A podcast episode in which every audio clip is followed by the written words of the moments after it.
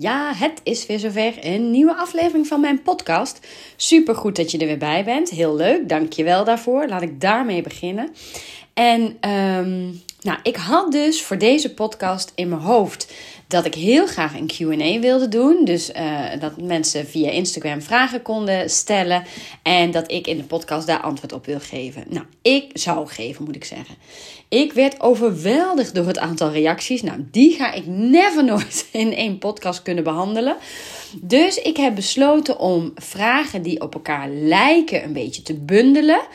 Uh, en dan een wat breder antwoord te geven, zodat ik toch zoveel mogelijk uh, vragen uh, terug laat komen. En we gaan maar eens even kijken hoe ver we komen. En als ik denk het wordt echt te lang, dan kunnen we altijd, of kan ik altijd de andere vragen nog in een andere podcast behandelen. Maar ik vond het wel onwijs leuk dat er zoveel vragen zijn. Heel uiteenlopend, dat ga je zo meteen ook horen.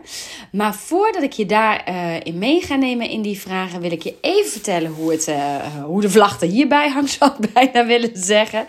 Want uh, nou, na de podcast met Sandra Manders vorige keer, als je die nog niet geluisterd hebt, ga dat doen. Want ik heb er ontzettend veel positieve reacties op gekregen. Echt heel leuk. Ik vond het zelf ook ontzettend leuk om te doen. En het was ook voor mij een heel waardevol gesprek. Dus mocht je die nog niet geluisterd hebben, doe dat nog eventjes. Um, en het was een weekje waarin er heel veel weer gebeurd is. Ik verspreek me steeds. Ik weet eigenlijk ook niet waar dat aan ligt. Misschien moet ik even iets meer in mijn zen-modus. Stoel iets beter aanschuiven. Even achteroverleunen. Een keer diep ademhalen. En misschien dat het dan wat vloeiender eruit komt. Ik ben namelijk best druk. Nou, dat zal je niet verrassen, want dat is eigenlijk niks nieuws. Maar ik kwam net van een school en in de auto um, bedacht ik me, jeetje, wat, wat, wat is er toch met dit mannetje aan de hand? Nou, ik ga je heel kort even meenemen. Want um, dit is een jongen en een meisje die ik uit één klas overigens, die ik samen begeleid rondom mindset. Zij zijn allebei uh, nou, slimme kinderen, laten we het zo maar noemen. Uh, nou, categorie meer slash hoogbegaafd. Doen aan verrijking, maar lopen in die verrijking eigenlijk voortdurend vast. Um, stress, blokkeren, niet meer uh, openstaan voor feedback van de leerkracht die de verrijking vormgeeft. Um, tranen of heel veel boosheid. Uh, beide, de een, bij het meisje zijn het vooral tranen, bij de jongen zijn het heel veel boosheid vanuit frustratie. En ik ben, nadat ik vorige keer kennis gemaakt heb met ze, ben ik aan de gang gegaan met dat stukje mindset, maar ook uh, inzicht in hoe je brein werkt. Omdat met name deze jongen heel duidelijk aangaf, um, ik wil leren om minder snel boos en gefrustreerd te zijn als ik iets niet weet of als iets niet lukt. Maar Um, dat kan niet. Je kunt dat niet leren. Nou, dat was best een uitdaging, want hij is daar redelijk uh, duidelijk in en ook redelijk star in. Dus ik dacht, we moeten eerst vanuit de wetenschap, want daar is hij wel gevoelig voor, uh, vanuit de wetenschap eens even gaan onderbouwen hoe dat nou zit met je brein, hoe je brein werkt, uh, hoe dat zit met hersencellen, hoe dat zit met verbindingen maken tussen de hersenhelften om uit te gaan leggen dat je wel degelijk dingen kunt leren die je nu nog niet kunt. En uh, nou, terugkijkend op je leven, maar ook vooruitdenkend. Welk uh, uh, gevoel hangt nou samen met de gedachten die je hebt, nou, et cetera, et cetera. Dat was eigenlijk een ontzettend mooie sessie. Ik kijk echt wel terug op een, hele, een heel tof moment met ze. En tegelijkertijd, moet ik zeggen, brak het ook een beetje mijn hart. En dat had te maken met dat um, hij vanuit inzicht eigenlijk aan het bijdraaien is. Dat hij dus wel in begint te zien dat je wel degelijk dingen kunt gaan leren. Ook als je dingen nog niet kunt of moeilijk vindt. Maar hij voelt daarin helemaal geen steun van zijn thuisfront. Want uh, nou, ik vroeg hem, hè, is er een momentje waarop je dat zou kunnen oefenen? Hadden we een soort oefening al gedaan. En toen gaf hij eigenlijk heel snel aan, nee, dat kan niet. Want mijn broer en mijn zus, die uh, zijn altijd bezig met mij te treiteren. En uh, dan schiet ik toch weer uit mijn slof. Dus ook al zeg ik tegen mezelf: blijf rustig, blijf rustig. Dan lukt het niet omdat ze zo ver gaan dat ik het uiteindelijk niet meer volhoud. Ik zeg: en is er dan iemand die jou kan helpen? Of papa of mama die dan eventueel dat we daar afspraken mee kunnen maken? Nee, die zijn er nooit. Die zijn altijd werken. Nou wil ik deze ouders niet meteen afschilderen als ouders die niet betrokken zijn, want daar geloof ik helemaal niet. Maar zijn beleving, los van of dit waar is. Hè? Misschien zijn deze ouders hartstikke veel thuis. Misschien is dit echt puur en alleen hoe hij het ervaart dat hij geen steun heeft. En dat zij juist denken als ouder zijnde dat ze heel erg betrokken en begaan zijn met hem. Weet je, dat wel eens niet een spelletje, daar wil ik eigenlijk heel erg ver van blijven, want dat is helemaal niet zo interessant. Wat interessant is, is dat dit zijn beleving is en hij dus weinig steun ervaart. En uh, nou, dat uh, zette me wel aan het denken dat ik dacht, hè, ik had eigenlijk na een sessie of 4, 5 met deze ouders in gesprek willen gaan. Maar ik heb besloten in overleg ook met hem om dat eerder te doen. Om, uh, um, nou, dit is te toetsen bij hun en niet op waarheid, want daar gaat het me echt niet om. Maar wel um, kunnen zij snappen waarom hij dit zo ervaart? Of kunnen zij verklaren waarom hij hier zo naar kijkt? En dat geeft mogelijk meer inzicht in hoe we hem verder kunnen helpen en hoe we hem weer uh, nieuwe stapjes kunnen laten zetten. Um, los daarvan was ik weer heel erg blij en vind ik het zo ontzettend leuk om dit met deze kinderen te kunnen doen. Omdat je ziet dat je met, nou, voor mij relatief um, kleine interventies je een enorm verschil gaat maken. Omdat ja, inmiddels ik gelukkig weet aan welke knoppen ik moet gaan draaien. En ik vrij snel dus in kon schatten: oké, dit meisje heeft een stukje kennis nodig. Maar de mindset van willen leren en daarin willen groeien, die zit er wel. En bij deze jongen is het een stukje mindset en kennis.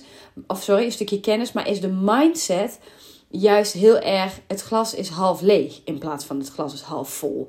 En eigenlijk bij alles wat ik zeg, weet hij wel het te weerleggen of ja maar. En dat is dus een ander deel waar ik met hem aan kan gaan werken. Um, dus nou, dat maakt het super interessant. En het zijn heerlijke kinderen die uh, heel erg betrokken zijn en heel erg graag willen. Dus dat is heel fijn.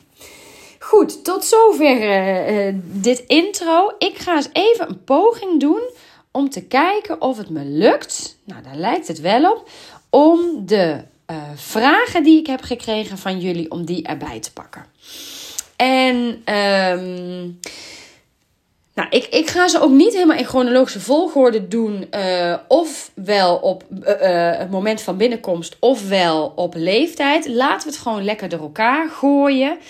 En uh, nou, eentje die ik dus heel erg mooi vond, die binnenkwam, was de vraag: hoe kun je nou het beste omgaan met een peuter van 2,5 die heel erg zijn of haar eigen wil heeft? Nou, zo had ik meer vragen over peuters en dat had allemaal eigenlijk deze uh, strekking. Uh, hoe reageer je op een peuter die snel driftig is? Hoe ga je om met een sterke eigen wil? Hoe ga je om met een bepaald temperament? Dus er waren meer ouders die vragen hadden over peuters. Um, dus daar wil ik even bij stilstaan. En um, wat zo mooi is aan peuters, is dat ze nog zo open en onbevangen in de wereld staan. En dat ze eigenlijk alles nog moeten leren. En met alles bedoel ik dan, hoe communiceer je met de ander? Hoe geef je je grenzen aan? Hoe zorg je dat je iets voor elkaar krijgt wat je graag wil? En natuurlijk heeft um, temperament dan natuurlijk een hele belangrijke rol in het geheel. Want de ene peuter is gewoon veel makkelijker meegaande in de omgang dan de andere peuter.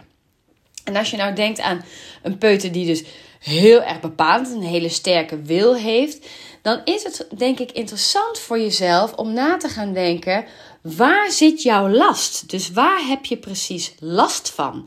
Is dat die sterke eigen wil? Hè? Dus zelf kleren willen uitzoeken, zelf boterhammen willen smeren, zelf naar boven willen lopen, zelf de tanden willen poetsen. Zit het hem daarin?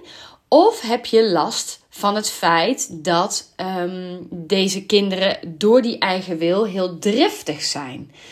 En dat maakt natuurlijk uit voor nou ja, tips, adviezen, maar ook voor hoe je er zelf naar kan kijken.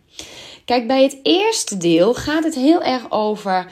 Um, je mag een beetje gaan loslaten. Je hoeft niet meer alles voor die peuter te doen. Want die is steeds meer in staat om kleine dingen al zelf op te gaan pakken. Om kleine dingen zelf te gaan doen.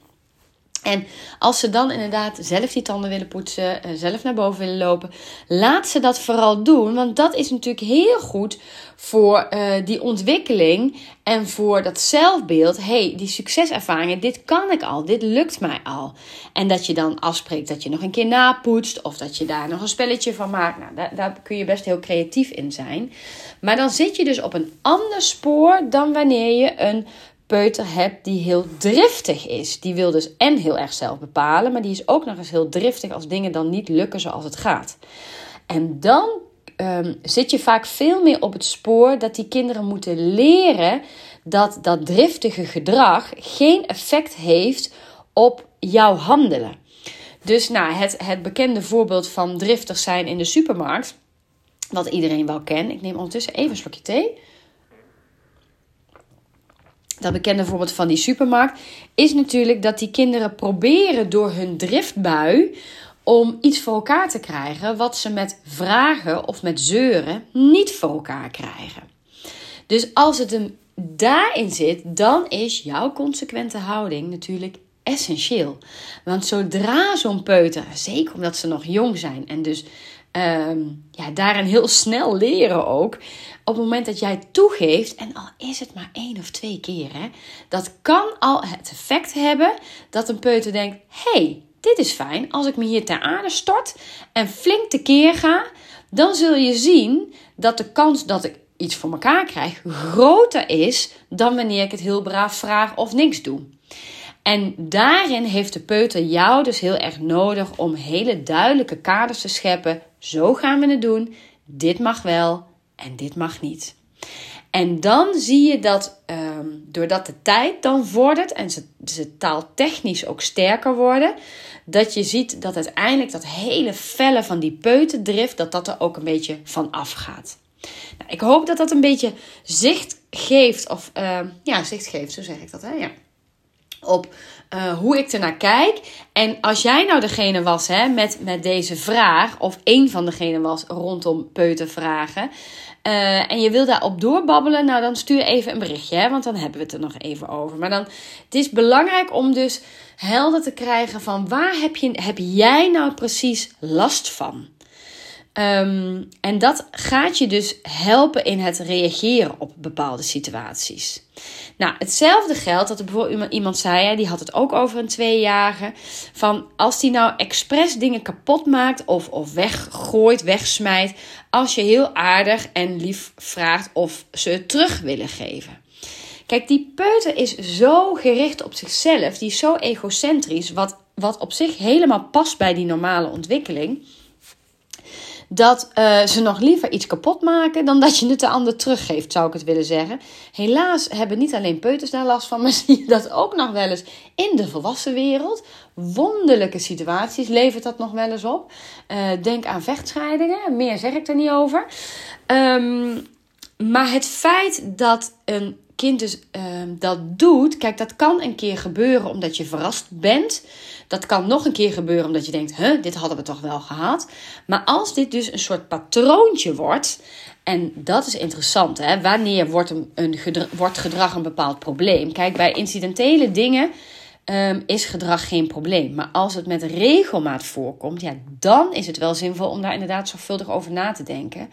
En dan is het ook wel heel goed om daar kinderen consequenties van te laten ervaren. Een soort logische gevolgen. En dan heb ik het niet over straffen. Hè? Dat, zijn echt weer, dat is echt weer iets anders. Maar zo'n tweejarige die, die iets terug moet geven en het dan weggooit. Dan um, kun je als opvoeder denk ik heel duidelijk en rustig zijn. En ik wil dat je het aan me geeft. Dus ga er maar even naartoe en geef het maar aan mama. Of loop er maar even heen, pak het op en dan pakt papa het van jou over. Um, dat is een andere reactie dan wanneer je er heel boos van gaat worden. Want daar leren kinderen natuurlijk niet zo heel veel van. Als je soms mijn telefoon trouwens hoort bewegen, dan heeft dat te maken met het feit dat ik dan even het scherm weer openzet, omdat ik uh, um, wil dat ik de vragen even goed erbij kan pakken, zeg maar. Dus nou, dat kan wat geluids, uh, hoe zeg je dat, ruis geven. Dus um, het rustig reageren, die kaders heel duidelijk aangeven, dat is daarin wel een hele belangrijke. En boos worden heeft dan vaak niet zoveel zin, omdat je juist wil dat ze leren wat jij um, nou, voor wil doen. Hè? Dus je wil dat ze het gewoon geven in plaats van smijten. Nou, dan moet je dat dus, moet je daarop gaan zitten en dat dus heel erg gaan uitdragen. Um, even kijken. Wat ik ook een hele um, leuke vond, is dat er heel veel vragen kwamen over um, ruzies tussen broers, zussen, uh, speelgoed delen, uh, dingen om de beurt doen. nou, dat soort dingen. Elkaar op de huid zitten, elkaar irriteren. En dan is het misschien leuk als ik je als tip geef om het boek. Ja, nou moet ik heel hard nadenken. Ehm Oh, hoe heet hij nou? Siblings, siblings, siblings. Hij is in ieder geval van Eva Bronsveld. Zij heeft hem samen met een andere auteur geschreven. Die weet ik even niet uit mijn hoofd. Uh, maar Eva Bronsveld um, is de andere auteur. Dus als je daarop gaat zoeken, uh, google dus hè, broers, zussen of siblings, hè, zo wordt dat ook wel genoemd.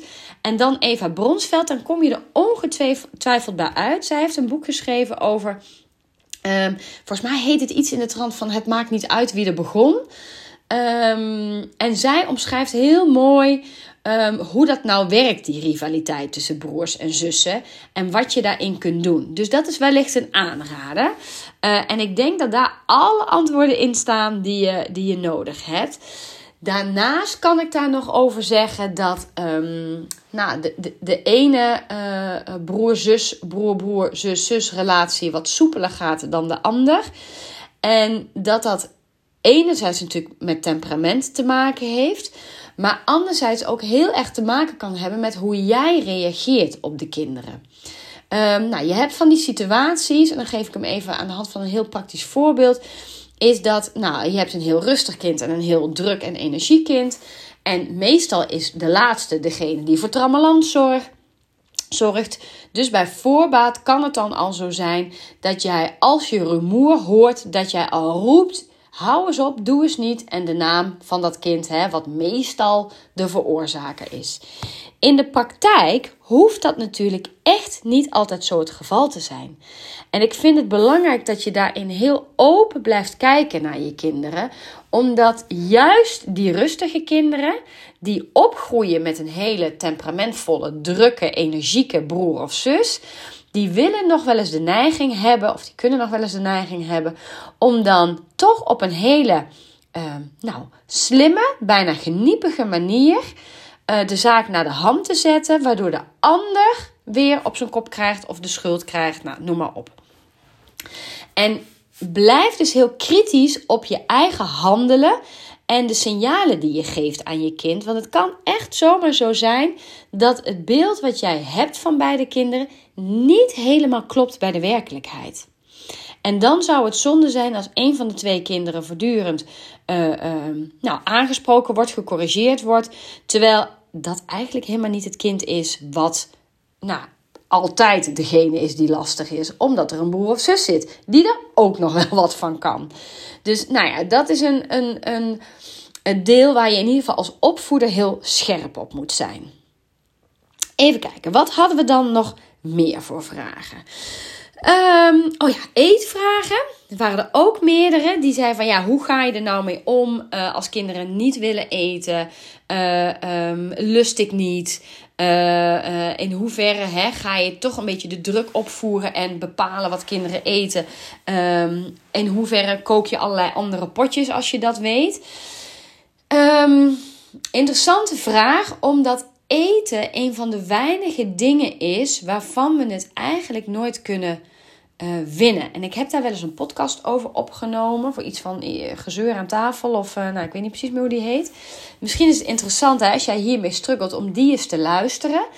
Um, omdat um, je kunt kinderen niet dwingen om te eten.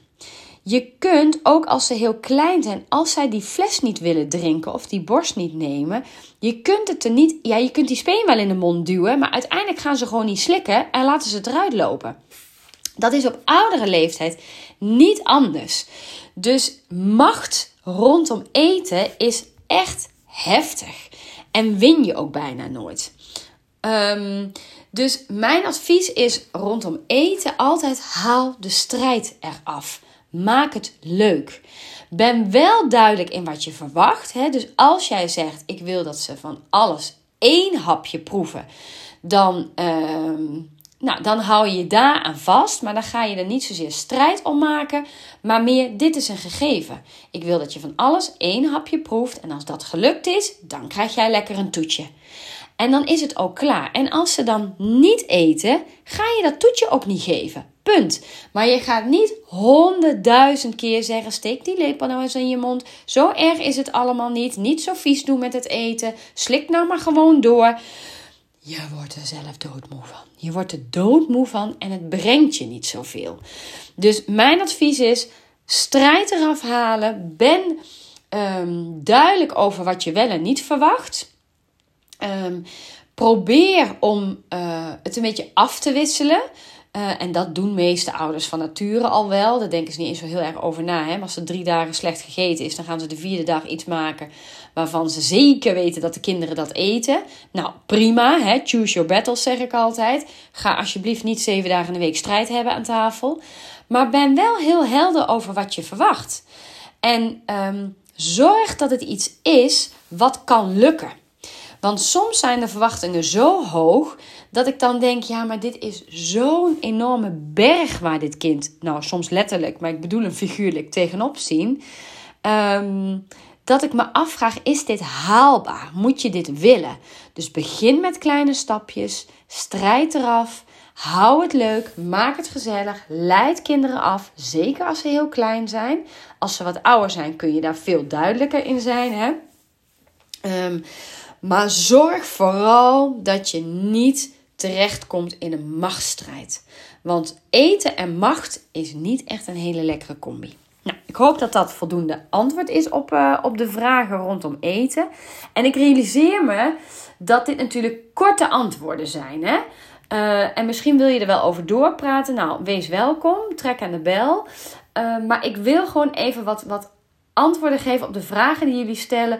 Om het ook niet moeilijker te maken dan het is. Dus dat is ook een keuze dat ik op deze vragen nu even heel kort antwoord geef. Zodat het jou hopelijk weer aan denken zet. Hé, hey, waar zit voor mij winst te behalen? Wat kan ik met de informatie die ze nu vertelt in mijn eigen situatie?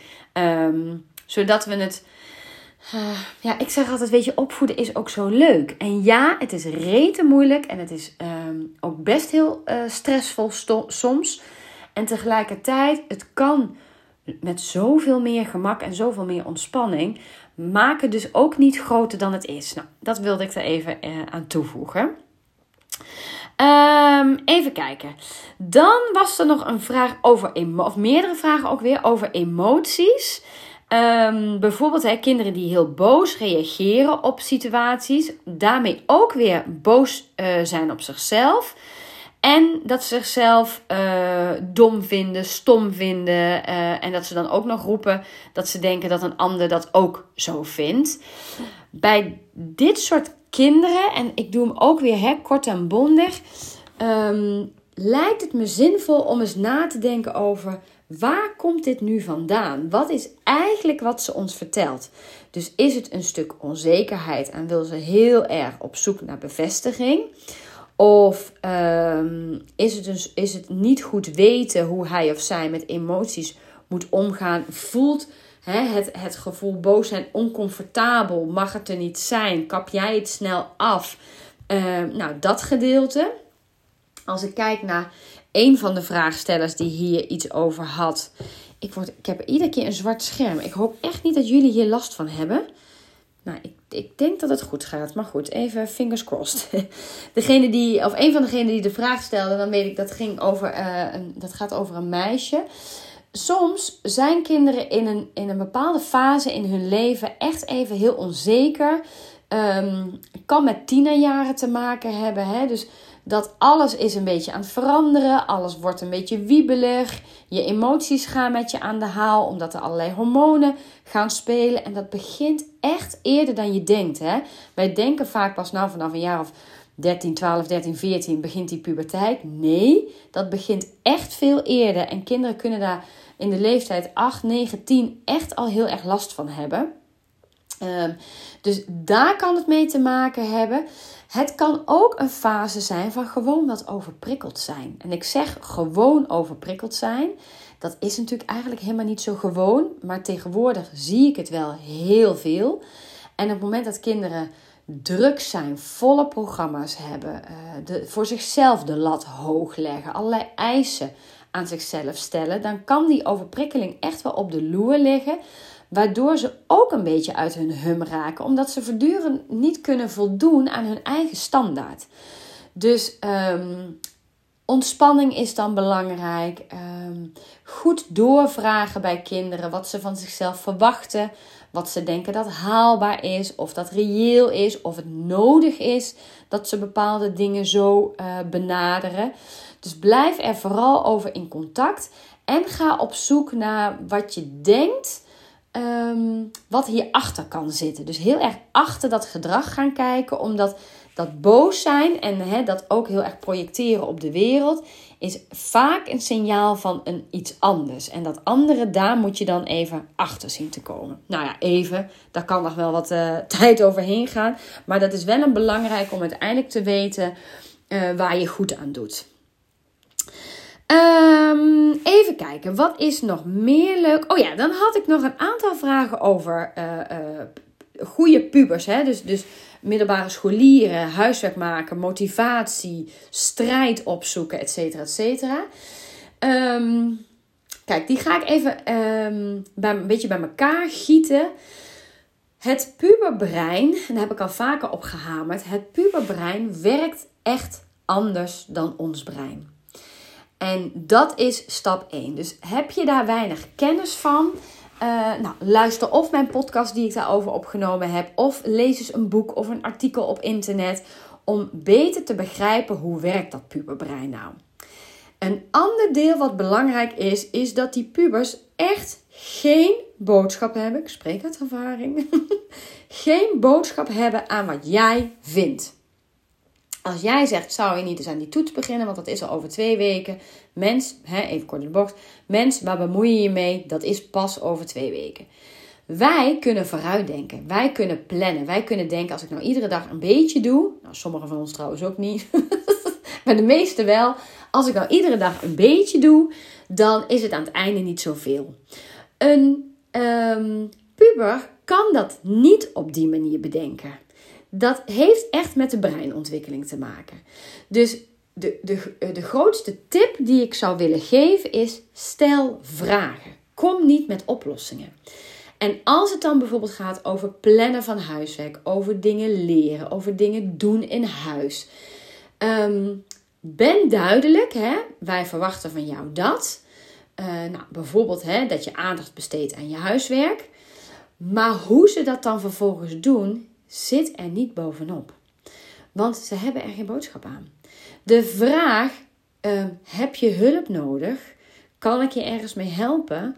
hey, hoe denk je dat je weer een, hoe denk je dat het komt dat je een 4,2 had um, voor je wiskunde? Um, dat zijn vragen waar pubers veel meer mee kunnen dan. Nou, ik zou nou toch wel echt gaan beginnen, want anders red je het allemaal niet. Of nou, hoe kan nou, uh, nou heb je weer een onvoldoende. Als ik je nou overhoor, dan gaat het misschien een stukje beter. Zitten ze niet op te wachten? Niet doen. Stel vragen. Um, en dan heb je natuurlijk pubers, en zeker puberjongens, die dat een beetje afhouden. ik heb geen hulp nodig, hoeft niet. Laat het dan ook. Ze zijn langzaamaan aan het groot worden. Ze zijn aan het groeien in zelfstandigheid. Ze zijn aan het groeien in nou ja, een stukje zelfkennis, zelfbewustzijn. Um, en als jij er dan bovenop gaat zitten, dan werkt het vaak alleen maar averechts. Betekent dat dan dat je je kind um, niet kunt beschermen voor een hoop uh, onvoldoendes of een regen aan uh, aantekeningen van mentoren of wat dan ook? Nee, daar kun je ze dus niet voor beschermen. Zij moeten het doen. Je kunt er zijn, je kunt met ze meekijken, je kunt vragen stellen, hulp aanbieden, maar je kan het niet voor ze wegnemen. Sterker nog, ik denk dat je het niet moet willen. Je moet het niet willen wegnemen. En ik las ooit een boek en dan draai ik me even om, want die heb ik toevallig niet uitgeleend. Die staat hier, twee tellen. Ehm, dat heet, oeh, even kijken. Ehm, even kijken, Empowering Ouderschap. En dan staat erbij niet voor curlingouders. En curlingouders zijn die ouders die alles um, glad strijken voor hun kinderen. Hè? Die hun kinderen voor alles willen behoeden. Voor tegenslag, voor teleurstellingen, voor nou, onvoldoendes. Um, dat gaat niet. Daar ga je je kind uiteindelijk niet zoveel verder mee helpen. En ik snap, want ik heb daar ook een handje van. Ik snap heel goed dat je je kind wil helpen. Maar de vraag is: ervaart een kind het als hulp? En als dat niet zo is, dan moet je op zoek naar wat hij wel als hulp gaat ervaren. Dus stel dan de vraag: hey, ik merk dat we hier een beetje strijd door krijgen. Uh, dat dit niet lekker loopt. Hoe zou jij het anders willen? Of hoe kunnen we ervoor zorgen dat ik jou op een betere manier kan helpen? Want ik merk aan je dat je dit niet fijn vindt. En dan zijn pubers heel vaak prima in staat om dat gewoon te verwoorden. Dus um, nou ja, die vragen stellen, niet er bovenop gaan zitten, loslaten, geen curlingouder willen zijn. Help je ze echt niet verder mee in het leven. Hoe moeilijk dat soms ook is, hè? want ik, ja, ik heb, nou, wat ik net zeg, ik heb daar zelf ook een handje van, maar ik, ik ben me er wel heel bewust van. En soms denk ik, oké, nu moet ik echt even um, heel strak en streng erin. En dan soms bijna met gestrekt been. Zo gaan we het doen. Dus ik wil dat je nu nou, je Frans pakt. Ik ga je overhoren. En als het nog niet helemaal erin zit, gaan we samen oefenen. Dan weet je ook zeker dat je met een lekker gevoel naar school gaat. Maar heel vaak, veel vaker zelfs, laat ik het los. Ja, en dat betekent dat er hier echt wel onvoldoendes binnenkomen. En dat ik denk, oh, had je hier nou iets meer tijd aan besteed? Of had je nou iets meer moeite gedaan? Of had je nou iets eerder begonnen? Ja, daar gaan ze gaandeweg wel achter komen. Daar gaan ze niet doen in deze fase van hun leven, omdat hun moeder of vader het zegt. Nou, dat even over pubers. Um, oh ja, en dat vond ik ook heel leuk. En dan ga ik er langzaam aan het einde aan brengen. Er waren een paar vragen over baby's. En toen dacht ik, oh, wat, wat schattig en aandoenlijk. um, nou, en, en wat dingen die daarin overeenkwamen waren... Um, uh, baby's waarvan je nu al zag dat er heel veel temperament in zag, zat. En dan met baby's bedoel ik, uh, uh, dat zullen geen zuigelingen van acht weken zijn, ga ik vanuit. Maar gewoon op het moment dat ze een beetje mensje worden, richting dat half jaar en zeker richting een jaar, dat het van die dreumetjes zijn. Of beginnen te worden, moet ik zeggen. Dat zijn natuurlijk wel fases waarin je echt dat temperament wel gaat zien.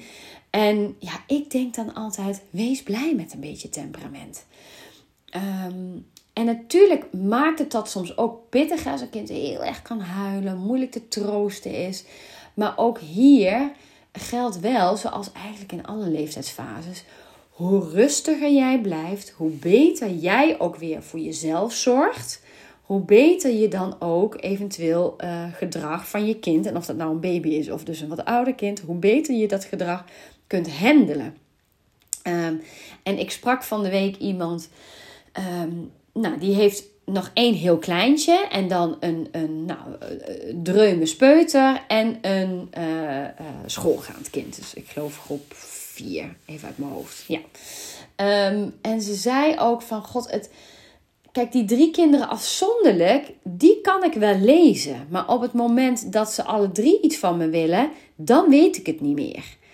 Ik zei ja, en dan is het de kunst, en dat is, dat is hartstikke moeilijk, hè? dat realiseer ik me heel goed. Maar dan is het de kunst om even vol focus en met aandacht het ene kind te doen, nummer twee te doen en nummer drie te doen. En niet alle drie tegelijk, want dan ga je brandjes blussen. Dan ga je uh, een beetje uh, goochelen en met een toverstaf zwaaien in de hoop dat het maar oplost. Dat heeft hetzelfde effect. Dus probeer dan ook echt met aandacht de dingen te doen. En dat geldt natuurlijk ook met baby's. Die zijn echt een kei in jouw rust dan wel onrust aanvoelen. Um, en ik heb een tijd heel veel op peuterspeel of op uh, blijven gewerkt. En um, als daar toestanden waren met baby's, en met toestanden bedoel ik veel huilen, slecht drinken, niet slapen, dan was het nou, ik zou bijna willen zeggen 9 van de 10 keer terug te herleiden aan naar de, de verzorger, in dit geval bijvoorbeeld een, een uh, pedagogisch medewerker, die toch heel veel onrust had en dat overgaf aan deze baby's. En dat doe je niet bewust, dat doe je ook niet expres. Maar als je voelt, hey, het doet iets met me, dat temperament van deze baby. En of het dan huilen is of heel wakker zijn of nou, noem maar op. Uh, dan mag je jezelf in ieder geval even de vraag stellen: hoe rustig lukt het mij om hierop te reageren? Of hoeveel stress draag ik misschien ongewild over op dit kind op deze moeilijke momenten? Um, omdat, weet je, ook baby's die veel huilen, huilbaby's, uh, temperamentvolle baby's. Er zijn ook ontspanningsmomenten. Er zijn ook momenten dat ze wel slapen. En die zijn soms maar kort. En die zijn soms um, zelfs in hun slaap onrustig. Maar het is wel goed om heel zorgvuldig naar die signalen te kijken. En vooral ook te kijken, hey, wanneer is een kind ontspannen? Wanneer lukt het wel om uh, nou, in rust contact te maken? Want als je die informatie namelijk hebt, kun je ook bij jezelf stilstaan. hey, heb ik daarin iets ook anders gedaan? Dus hè, hoeveel rust of onrust heb jij vervolgens? Nou, dat is denk ik een interessante om ehm, mee te nemen. En tegelijkertijd um, denk ik, oh, um, ga ik dat zeggen? Ik ben even twijfel of ik dit zo keihard kan zeggen, maar ik denk het eigenlijk wel. Dat we tegenwoordig een beetje uh, angstig zijn voor drukke, temperamentvolle, energieke kinderen. Terwijl ik denk, wat een talent. Of wat een fijne eigenschap als jij energiek en, en uh, temperamentvol bent. Dat gaat je nog eens heel veel brengen in het leven. Um, doordat wij als volwassenen vaak te druk zijn, eigenlijk al overprikkeld zijn op het moment dat we nog moeten gaan opvoeden. Um, vinden we het irritant en willen we dat die kinderen allemaal rustig doen. Terwijl draai het nou pot voor drie dubbeltjes eens om en ga nou eens kijken, hey, wiens probleem is dit nou eigenlijk? En heel vaak, uh, en dan word ik ook een beetje fel, merk ik, heel vaak is het niet het probleem van het kind. Maar trek jij bepaald gedrag niet omdat je gewoon te veel wil in het leven of te veel doet of de zaken niet lekker georganiseerd hebt en niet omdat het jouw schuld is, maar wel omdat je keuzes maakt. En daarvan zeg ik altijd: daar ben je zelf verantwoordelijk voor, niemand anders. Maar omdat je keuzes maakt die misschien op dit moment, in deze fase van jullie gezin of deze fase van je kind, niet zo handig zijn. En dan, als je opnieuw dan met een bril gaat kijken naar je kind en opnieuw gaat kijken hoe druk, temperamentvol, energiek is die nou eigenlijk en wiens probleem is het, dan zul je waarschijnlijk concluderen dat het eerder jouw probleem is dan een probleem van het kind. En ik denk dat dat misschien wel een mooie uitsmijter is voor de vragen tot nu. Ik heb ze niet allemaal beantwoord, laat ik daar ook heel eerlijk over zijn. Als die er niet tussen zit, dan ga ik hem uh, um, nog even uh, online voor je beantwoorden. En als je nou denkt, hé, hey, maar mijn vraag komt nu nergens terug en ik heb ook geen berichtje van, me, van je gehad, kom dan nog even bij me terug. Want dan heb ik misschien iets over het hoofd gezien of heb je je onvoldoende herkend in de vraag, omdat ik wat dingen heb samengevoegd. Dat is altijd helemaal prima. hey, dan wil ik je nog één gunst vragen. Mocht je dat nog niet gedaan hebben, zou je dan alsjeblieft in Spotify de podcast willen ranken met 5 sterren. Want dat zorgt ervoor dat de podcast nog beter gevonden wordt. En dat ik een nog groter bereik heb. Waardoor ik hopelijk ervoor kan zorgen dat iedere opvoeder vanuit ontspanning met plezier en de juiste kennis kan gaan opvoeden. Wens ik je een fantastisch mooie dag of een hele fijne avond. En dan spreek ik je heel snel weer. Tot gauw. Doei doeg!